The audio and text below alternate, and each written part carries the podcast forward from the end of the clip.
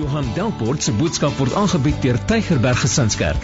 Vir meer inligting, besoek gerus gesinskerk.co.za of skakel gerus die kerkkantoor by 021 975 7566. Tygerberg Gesinskerk, kom vind jou geestelike tuiste. Ek sit nie met 'n stemding nie. Dit moet die elektronika wees. Daar sê. Kan ons kan ons die gordyne oopkry asseblief Franswa? Dankie. Dankie. Herman daag almal uit om 'n beter pot te maak en om 'n weliger snor te groei hierdie November. Waar's Herman?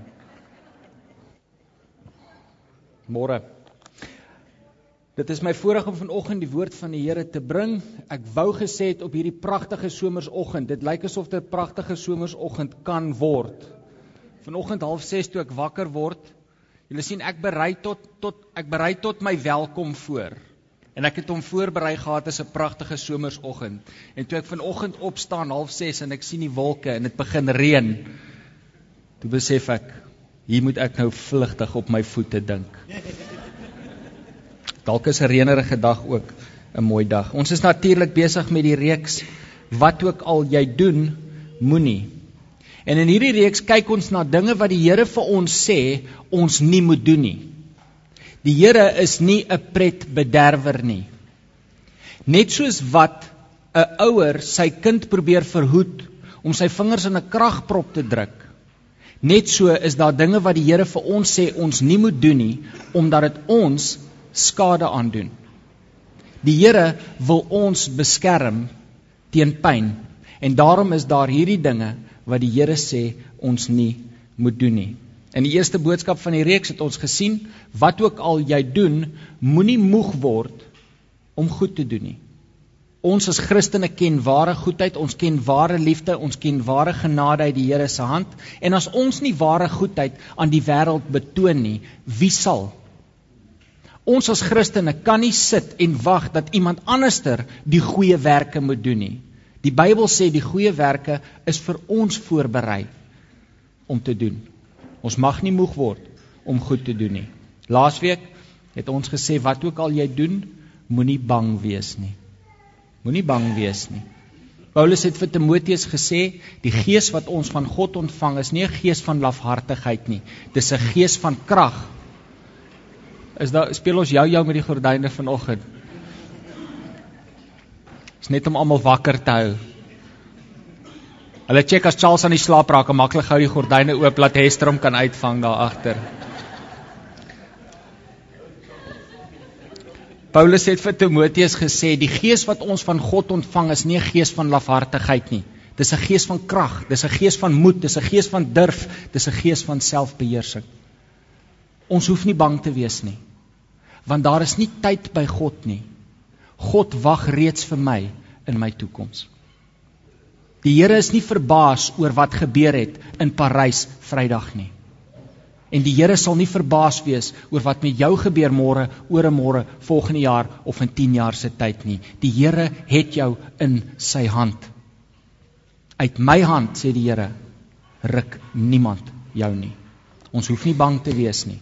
Ons kan moed hê in die Here. Vanoggend sê ons wat ook al jy doen, moenie jou genadegawe verwaarloos nie. Kom ons sluit die oë. Here Jesus, dankie dat ons vanoggend kan weet dat die woord wat U tot ons spreek is die waarheid.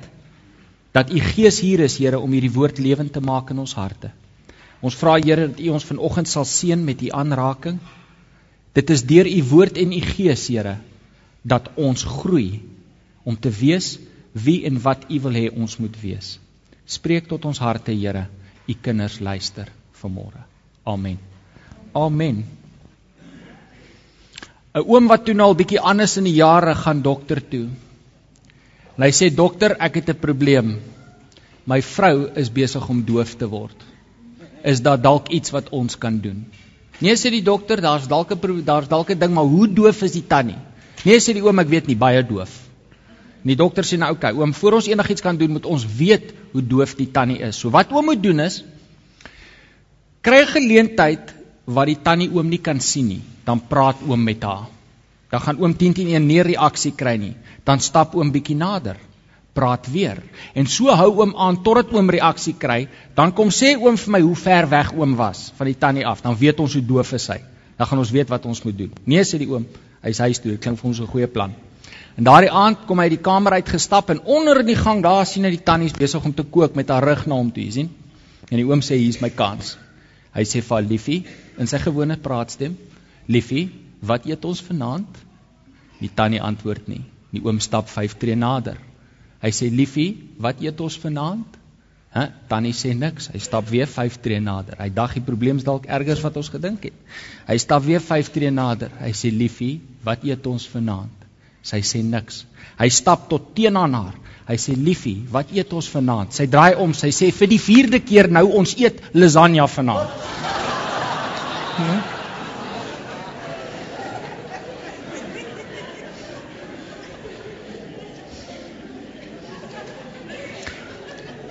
Ek voel nou so half vanoggend se boodskap behoort iets te wees oor die balk uit jou eie oog eers te haal, maar dit is nou nie. Né? Nee?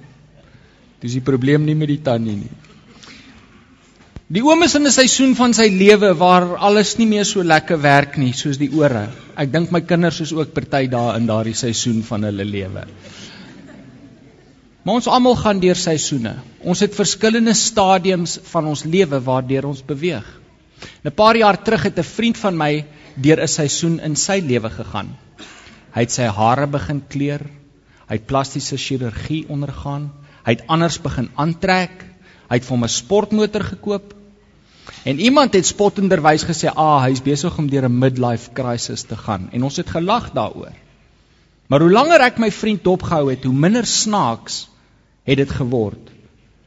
Want dit wat ek gesien het waardeur hy gegaan het, was baie ernstig. Die emosionele onstuimigheid wat hy beleef het, het hom duur te staan gekom.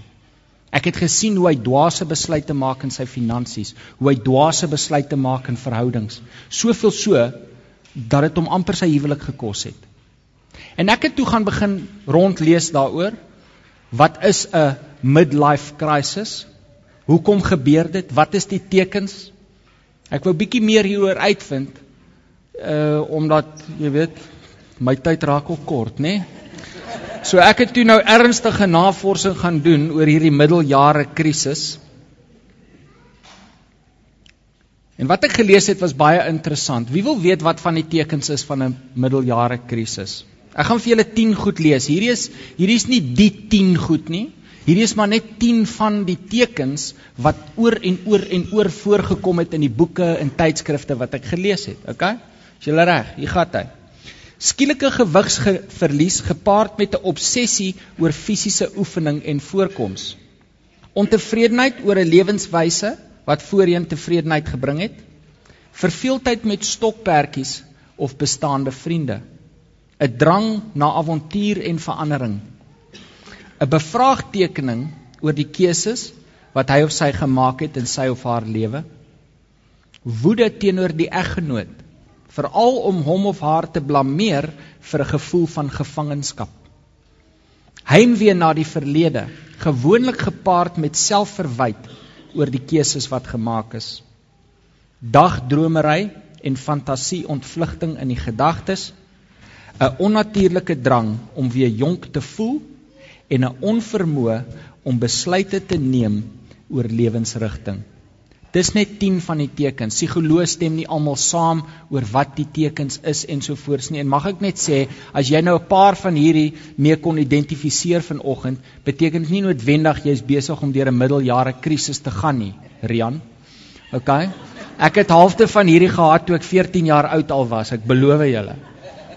Maar dit is tekens wat die psigoloë sê voorkom by mense wat hierdie emosionele onstuimigheid beleef. Die vraag natuurlik as ons hierna kyk is wat veroorsaak dit? Hoekom gebeur 'n middeljarige krisis? Hoekom gebeur dit? Dit gebeur meer met mans as met vrouens. Dit gebeur by party mense baie erg, by ander glad nie. En een psigoloog wie se boek ek gelees het, het vir my mooi opgesom. Ek gaan dit in Engels lees. Ek dink sy sê dit baie mooi. Hoekom gebeur hierdie dinge? Sy sê midlife is significant as a time when adults come to realize their own mortality. A midlife crisis is experienced by some people as they realize that they've reached a midpoint in their life and they therefore experience conflicts or dissatisfaction within themselves because of unrealized goals, self perceptions, or physical changes. In ander woorde, ek bereik 'n punt in my lewe waar ek ewe skielik besef ek gaan nie vir ewig lewe nie. Jy weet wanneer jy 20 jaar oud is, is jy onoorwinbaar. Jy gaan vir ewig lewe en die wêreld verower terwyl jy daar is, nê? Nee? Dan doen jy dom dinge soos rugby speel. En dan wanneer jy 40 is, dan kom jy agter hoekom jou pa vir jou gesê het moenie speel maar tafeltennis of iets, nê. Nee. Maar jy kom op 'n stadium in jou lewe eendag wat jy besef jy gaan nie vir ewig lewe nie. Ergens in 'n afpop winkelvenster is 'n kus met jou naam op. En jy kan nie daarvan ontsnap nie. Dit kom. En daardie besef dat ek nie vir ewig gaan lewe nie, saam met die bevraagtekening of ek genoeg gedoen het om my merk te laat in hierdie lewe, is wat 'n middeljare krisis aanwakker. Dis wat hom laat posvat. Ek vra myself af, het ek alles gedoen wat ek wou? Het ek alles vermag wat ek kon? En het ek genoeg gedoen om my merk te laat in hierdie lewe? Nou kom praat ons vanoggend hieroor. Moet ons dit nie maar eerder net los vir die kopdokters nie? Antwoord is ja, ek is nie bekwam om iemand te beraad deur 'n middeljare krisis nie. Ek probeer dit ook nou nie vanoggend doen nie. Maar die rede hoekom ek hieroor wil gesels is omdat ek sien hoe mense wat deur hierdie krisis gaan hoe hulle vatbaar word vir versoekinge van die duiwel wat hulle op 'n ander tyd in hulle lewe dalk nie voorvatbaar sou wees nie. Die duiwel gebruik, hoor mooi, en dit het nou nie net te doen met 'n middeljare krisis nie, okay? Hoor mooi wat ek sê. Die duiwel gebruik ons emosionele onstabiliteit om ons te versoek met dinge wat ons andersins nie voor vatbaar sou wees nie. Dink bietjie mooi. Dis wanneer jy emosioneel voel, wanneer daar iets gebeur wat jou kwaad maak, ongelukkig maak, eensaam laat voel, wat die duiwel probeer om sy hou in te kry. En mense wat 'n middeljare krisis beleef, word vatbaar vir fantasieë en sondes wat hulle andersins nie voor sou wees nie. En hulle maak foute Menigte huwelik, menigte familie lê in skerwe oor 'n middeljare krisis wat verkeerd hanteer is. Nou in die Bybel was daar iemand wat ek dink dalk so iets beleef het. Daar's net 'n skimp daarvan, maar ek wil graag hê ons moet daarna kyk asseblief. Blaai saam met my na Psalm 119. Psalm 119 Moenie bekommerd wees nie Bertie, ons gaan nie die hele Psalm lees nie. Ek sien Bertus sit sy goed al neer. Hy maak hom gemaklik daar in die stoel. Dis oukei. Okay. Psalm 119 vers 37. Hoor wat bid Dawid. Hoor wat bid Dawid. Hy sê Here, weerhou my van 'n nuttelose lewe. Laat my leef op die weg wat U aanwys. Here weerhou my van 'n nuttelose lewe. Laat my leef op die weg wat U aanwys. Wat bid Dawid hier? Here, laat my lewe tog iets waardevol beteken. Laat my lewe nie nutteloos wees nie. Van die vertaling sê Here, laat my fokus op dit wat belangrik is.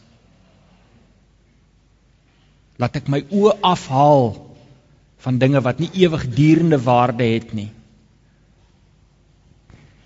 Laat my lewe punte tel. En hoe gaan ons dit doen? Tweede deel van die vers, laat my leef op die weg wat U aanwys. Wanneer ek leef op die weg wat die Here aanwys, wanneer ek leef waar die Here wys, dan lewe ek 'n lewe wat punte tel, wat 'n verskil maak, wat 'n invloed het. Ek kan nie God se wil volg vir my lewe en 'n nuttelose lewe lei nie. Dit is nie moontlik nie, want die Here het ons nie gekies en geroep om nuttelose lewens te lei nie. Ek dink baie keer ek sit en dink baie keer wat sal daarvan my lewe gesê kan word wanneer hulle my laat sak eendag in daardie graf. Jy weet wanneer hulle daai pine pyjamas vir my aantrek.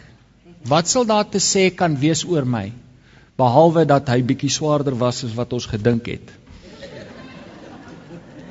Pleks het ons 8 ouens gekry om te dra. Né? Nee? Wat sal hulle van my kan sê wanneer hulle my na 'n graf afsak? Wat sal my lewe beteken het?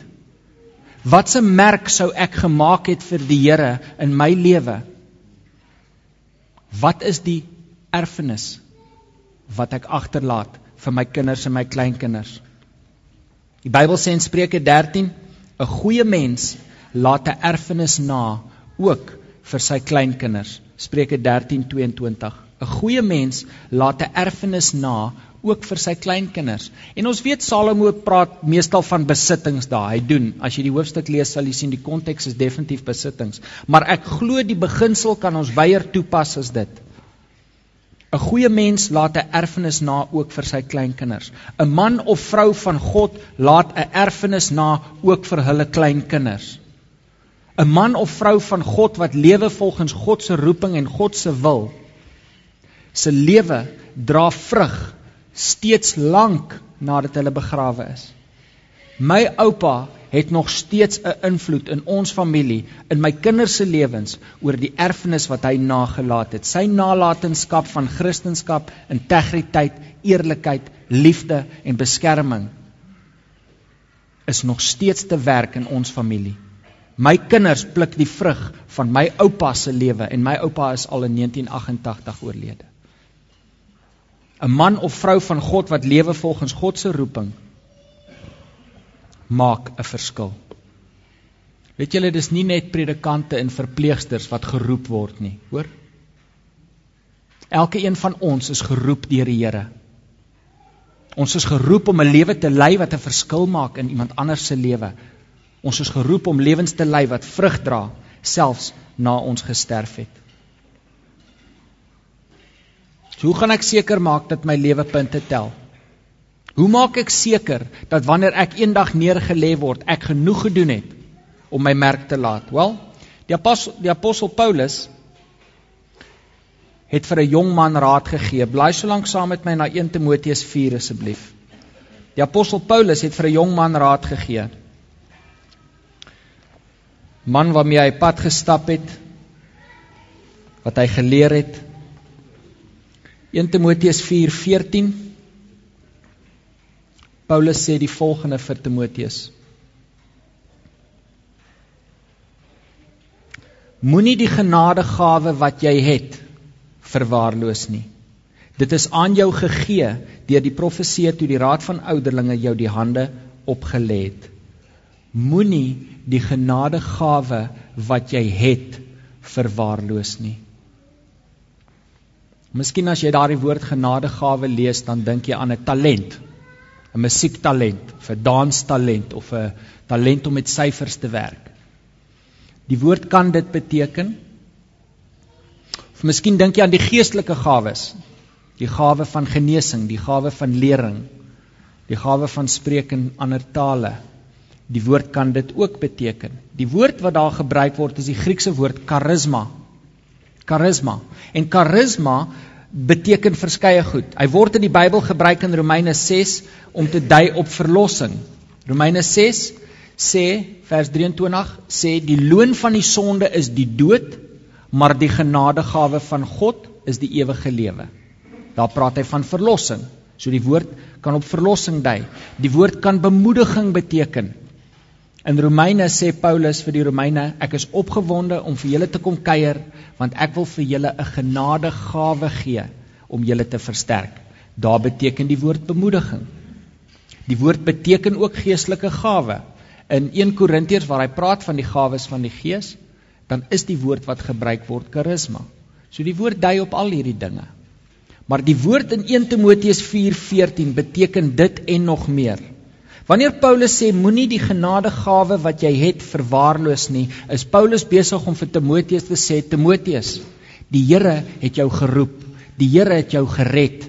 Die Here het jou toegerus met talente, geestelike gawes, ervarings, vermoëns. Want die Here het jou geroep vir 'n doel. en daardie alomvattende roeping van die Here mag jy nie verwaarloos nie. Ek dink baie keer ons kristendom word vir ons soos kougom. As jy dit in jou mond sit, is dit is dit baie soet. Ekskuus. Dit is soet en jy kou. Na rukkie is dit nie meer soet nie, maar jy hou maar aan kou. Nee. Ons lewe maar van dag tot dag, tot dag tot dag tot dag. En Paulus sê vir Timoteus, moenie hierdie roeping van God op jou lewe verwaarloos nie. Die Here het jou gekies om 'n verskil te maak. Streef dit na. Nou die feit dat Paulus vir Timoteus sê moenie die genadegawe verwaarloos nie. Moenie jou roeping verwaarloos nie. Dui vir ons daarop dat jy dit kan verwaarloos, né? Nee? Dis nie 'n uitgemaakte saak dat jy God se roeping vir jou lewe gaan vervul soos wat jy kan en moet nie. Ek het altyd gedink ek gaan die Here se roeping vir my lewe vervul ongeag van wat ek doen. En dis nie waar nie. Ek moet dit nastreef. Ek het my hart vir die Here gegee op 14 jarige ouderdom. En ek het amper dadelik geweet wat die Here my voorgeroep het. Ek het geweet ek moet 'n predikant word. En toe ek uit die skool is, toe gaan ek weermag toe. En toe ek uit die weermag kom, moet ek tot my skaamte erken het ek 'n baie halfhartige poging aangewend om my genadegawe te ontwikkel. Ek het Bybelskool toe gegaan en ek het gaan studeer En na 2 jaar het ek my diploma ontvang en so ver en vinnig gehardloop van die bediening af as wat my beentjies my kon dra. Want dit het toe nou ewe skielik na 2 jaar nie vir my meer so opwindend gelyk soos toe ek 14 was nie. En ek het 'n beter idee gehad vir my lewe, het ek op daai stadium gedink. Ek het vir 'n platemaatskappy gaan werk. Ek het baie goed gedoen. Ek was baie suksesvol daarin gewees. Maar 15 jaar na ek uit die Bybelskool uitgekom het, het hierdie besef tot my gekom. Wat is jy besig om te doen met die roeping wat die Here vir jou gegee het? En ek dink dis die vraag vanoggend wat ons onsself moet afvra. Wat doen ek met die genadegawe wat die Here vir my gegee het? Wat doen ek met daardie talent wat die Here vir my gegee het? Wat doen ek met die geestelike gawe? Die roeping, daardie ding wat ek in my hart weet die Here wil hê ek moet doen, wat hy my voor toegerus het. Wat doen ek daarmee? Ontwikkel ek dit? Gebruik ek dit om 'n lewe te lei wat 'n verskil maak? Voor my sit drie kategorieë mense vanoggend. Miskien weet jy wat die Here wil hê jy moet doen maar jy kies steeds om 'n ander pad te volg want jy dink jy het 'n beter plan. Of miskien weet jy wat die Here wil hê jy moet doen en jy wil dit doen. Jy kan net nie sien hoe jy gaan kom van waar jy nou is tot waar jy moet wees nie. Jou lewe het nou al so ver ontwikkel, jy kan nie net oppak en gaan doen wat die Here wil hê jy moet doen nie. Hoe nou? Of miskien is jy in die derde kategorie en jy sê Alex, ek is net 'n huisvrou. Ek is 'n dokter, ek is 'n motorwerktuigkundige. Daar is nie so 'n roeping op my lewe nie. Ek is maar gered en jy weet, ek lewe maar 'n dag op 'n slag. Ons kyk maar wat gebeur in my lewe. Ek wil vanoggend vir jou sê, jy is geroep. Jy is geroep. Jy's geroep om 'n verskil te maak. Dalk as 'n huisvrou, dalk as 'n dokter. Ons is nie almal geroep om predikante en sendelinge te wees nie. Maar jy is geroep om 'n verskil te maak met jou genadegawe waar jy is. Nou. Nie eendag nie. Nou. So hoe gaan ons daarby uitkom? Hoe kom ons van waar ons is tot waar ons moet wees? Wel, julle het raamwerke wat normalerig lyk. Maar die verskil vanoggend is ek gaan nie vir julle die antwoorde gee nie. Julle gaan die antwoorde vir my gee. Ons het vanoggend 'n toets.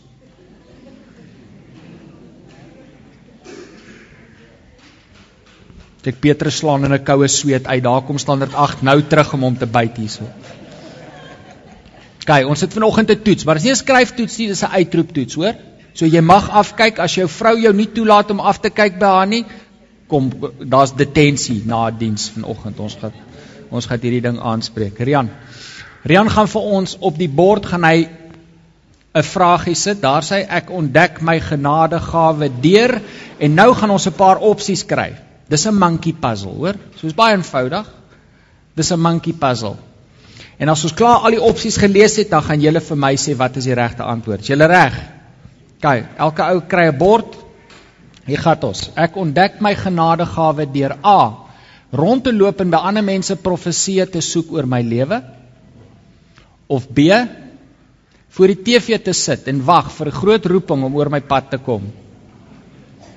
C my hele lewe aan die Here toe te wy of D getrou te wees in die klein taakies wat vir my gegee word of E beide C en D. Wat is die antwoord? E beide C en D. Wie het gesê voor die TV sit? Ek kyk. OK. Ek ontdek my genadegawe deur getrou te wees in die klein taakies wat vir my gegee word en C my hele lewe aan die Here toe te wy. Mense, die roeping van die Here op jou lewe is nie deel van jou lewe nie. Dis nie 'n aanhangsel tot jou lewe nie. Dit is jou lewe. Die Here het jou gered met 'n doel. Die Here het jou geskaap in jou ma se maag met 'n doel. Geskape, wat is die regte woord? Gemaak, aan mekaar gewewe met 'n doel. Jou roeping is jou hele lewe. En daardie hele lewe moet aan die Here gewy word. 1 Konings 8:61 sê mag julle met volle oorgawe voor die Here ons God leef. Ons lewe met volle oorgawe. Ek dink baie keer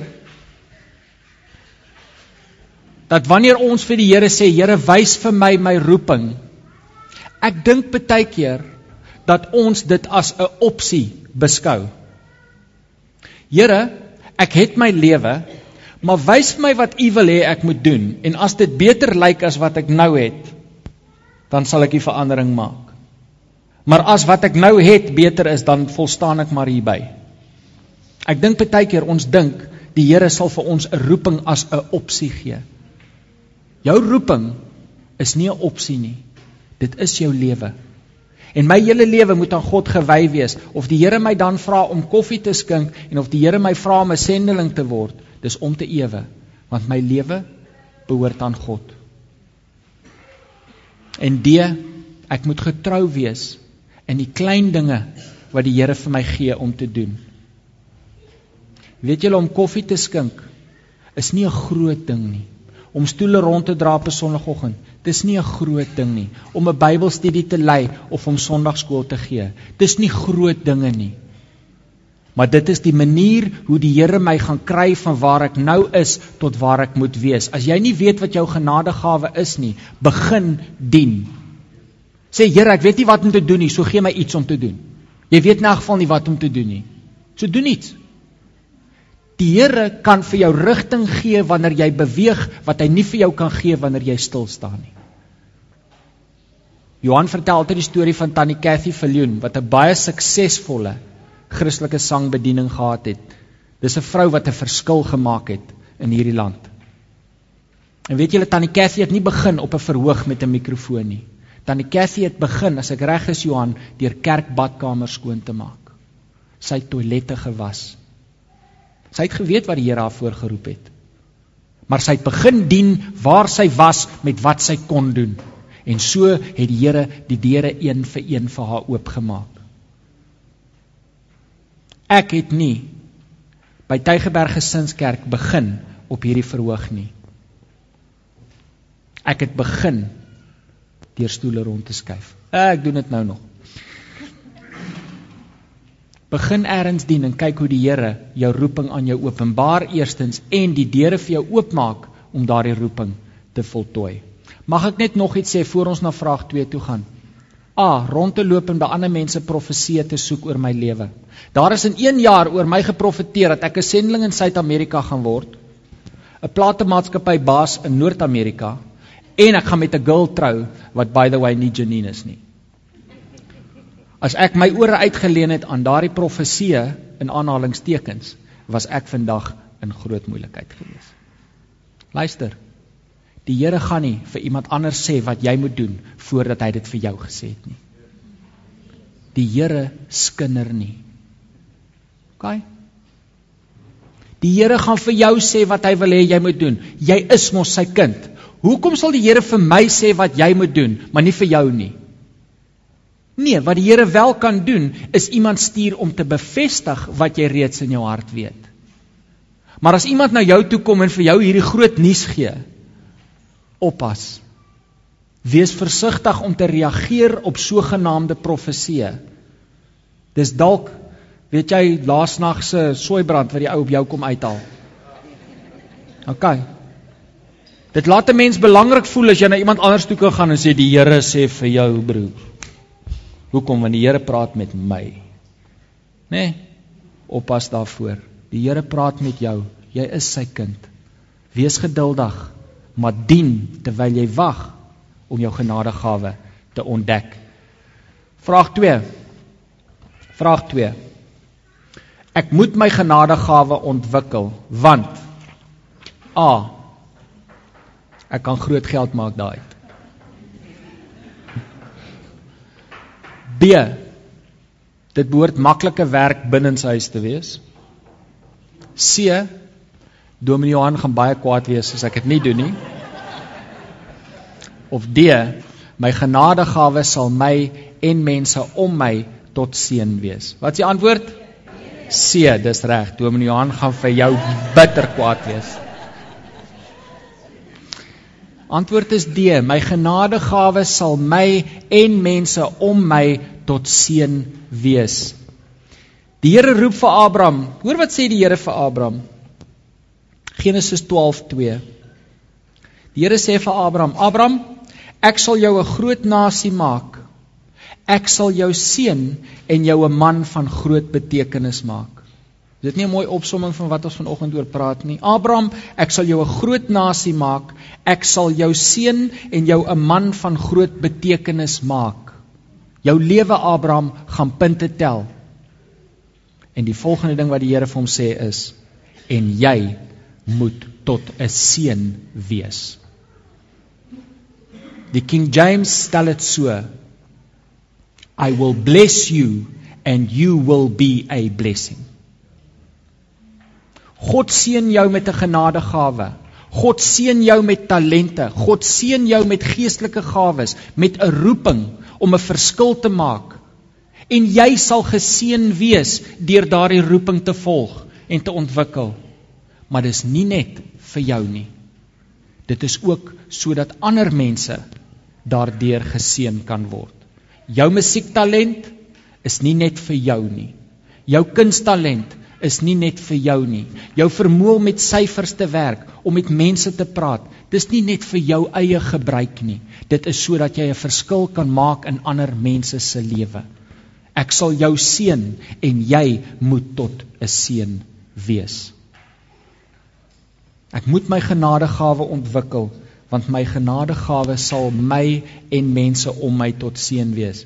Jou man, jou vrou, jou ma, pa, suster, broer, buurman, kollega, jou kinders, kleinkinders, ouma, vriende, jou gemeente, jou gemeenskap, jou volk, jou land het nodig dat jy jou genadegawe ontwikkel en gebruik. Die Here het daai goed vir jou gegee om 'n slag te slaan in sy naam. Dis nie net vir jouself nie. Vraag 3. Hoe doen julle so ver? Wie kom so ver deur? Kyk, sien hier's daar 'n paar ouens wat self wat selfvertroue het. Vraag 3, laaste vraag. As ek nie my genadegawe ontwikkel nie, wat sal gebeur as ek dit nie doen nie? A, ek sal my gemeente lidmaatskap verloor. Né? Nee? Dis 'n grappie, hoor nou nie vir Johan briewe skryf oor die goed wat Alex hier kwyt raak nie. B. Franswan Herman gaan my maak mense groet in die parkeerarea Sondagoggend. Ek kan julle glo as Franswan Herman hulle sin kry, gaan hulle julle in elk geval maak mense groet in die parkeerarea, okay? C. Ek gaan my vermoë om mooi te teken verloor as ek dit nie ontwikkel nie. Of D. As ek nie my genadegawe ontwikkel nie, sal ek tyd wat ek aan my genadegawe kon spandeer het, verloor. Tyd wat ek nooit weer kan terugkry nie. Antwoord is D. C het iemand gesê. Nou hoor hierso. Ek is toe ek jonk was, het ek gehoor as die Here vir jou iets gee en jy gebruik dit nie, dan vat die Here dit weg. Dis nie waar nie, hoor. Daar's geen Bybelse gronde daarvoor nie. Daar's 'n vers in Romeine inteendeel wat sê die roeping van die Here is sonder berou. In ander woorde, die Here gee nie vir jou iets en verander later sy gedagte nie. Die Here gee nie vir jou iets en wanneer jy dit nou nie goed genoeg of vinnig genoeg gebruik nie, dan sê die Here, "Ah, okay, sorry, ek vat dit weg, iemand anders het dit nodig nie." Die Here het genoeg om vir almal te gee. Dis nie waar nie. Jy sal nie jou vermoë om mooi te teken verloor as jy dit nie gebruik nie. Weet jy wat sal gebeur? Jy sal net nie mooi kan teken nie. Want jy beoefen dit nie. Die feit dat jy 'n talent het of 'n gawe wat die Here vir jou gee, beteken nie dat jy dit nie ontwikkel nie. Ek kan vir soveel sanglesse gaan as wat ek wil. Ek sal nooit soos Corneille kan sing nie. My vrou kan dit beamoen. Ek het dit nie. Maar sê nou ek het die talent gehad. Ek sal nog steeds moet gaan vir daai sanglesse om te leer hoe om dit te gebruik, om te leer hoe om dit te ontwikkel. So dis eenvoudig. As jy nie jou musiektalent gebruik nie, dan gaan jy nie mooi musiek kan maak nie, net omdat jy dit nie ontwikkel nie. Nie omdat die Here dit wegvat nie, hoor? Die antwoord daar is D. As ek nie my genadegawe ontwikkel nie, dan gaan ek tyd verloor wat ek nooit weer kan terugkry nie. Die verlore seun het die huis verlaat. Hy het later bekeer en teruggekom huis toe. Hoor wat sê die Bybel. Lukas 11:22 tot 24. Die verlore seun se pa roep sy werksmense: "Maak gou, bring klere die beste en trek dit vir hom aan. Sit vir hom 'n ring aan sy vinger en trek vir hom skoene aan. Bring die vetgemaakte kalf, slag hom, laat ons eet en seefuur. Luister. Hy het alles gekry. Klere, kos, partytjie, skoene, ring aan sy vinger. Wat is die een ding wat sy pa nie vir hom kon teruggee nie? Die tyd wat verlore gegaan het. Ek het vir 15 jaar my genadegawe nie gevolg nie, nie ontwikkel nie, omdat ek gedink het ek het 'n beter idee as die Here. En dit is tyd wat vir my verlore is. Ek kan dit nie weer terugkry nie. Nou goed. Of jy 10 is of jy 110 is, dit is nooit te laat om die Here se wil te soek en te volg nie. Dit is nie vir jou te laat nie. Maar maak vandag die besluit. Nie môre nie, vandag. As jy dink dat daar sonde in jou lewe is en jy uh, en jy kan dus nie vir die Here werk nie, wil ek vir jou sê, begin vir die Here werk en kyk hoe waar, hoe, hoe hoe hoe raak jy ontslaaf van daai ding in jou lewe. Moenie wag totdat jy eendag sondeloos is nie, daai dag sal nooit aanbreek nie. Moenie wag totdat dit maklik is nie. Begin vandag. Begin vandag, kom voor die Here en sê Here, Dit is nie maklik nie. Ek sien hier 'n struikelblok, ek sien hier 'n probleem, maar Here, ek wil vandag U wil vir my lewe ontdek en volg en kyk hoe die Here wonderwerke in jou lewe laat gebeur omdat jy getrou is in die klein dinge. In Lukas 16 sê Jesus: Wie getrou is in die klein dinge, is ook getrou in die groot. Dawid het nie koning van Israel geword omdat hy Goliat verslaan het nie. Julle weet dit, nê? Hy was reeds gesalf toe hy Goliat verslaan het. Dawid het koning van Israel geword omdat hy sy pa se skaap met getrouheid opgepas het. Dis nie 'n groot werk nie, dit was die kleinste en die minste werk. Hulle het dit vir die jongste gegee want dis onbelangrik. Maar hy het dit so getrou gedoen dat die Here gesê het,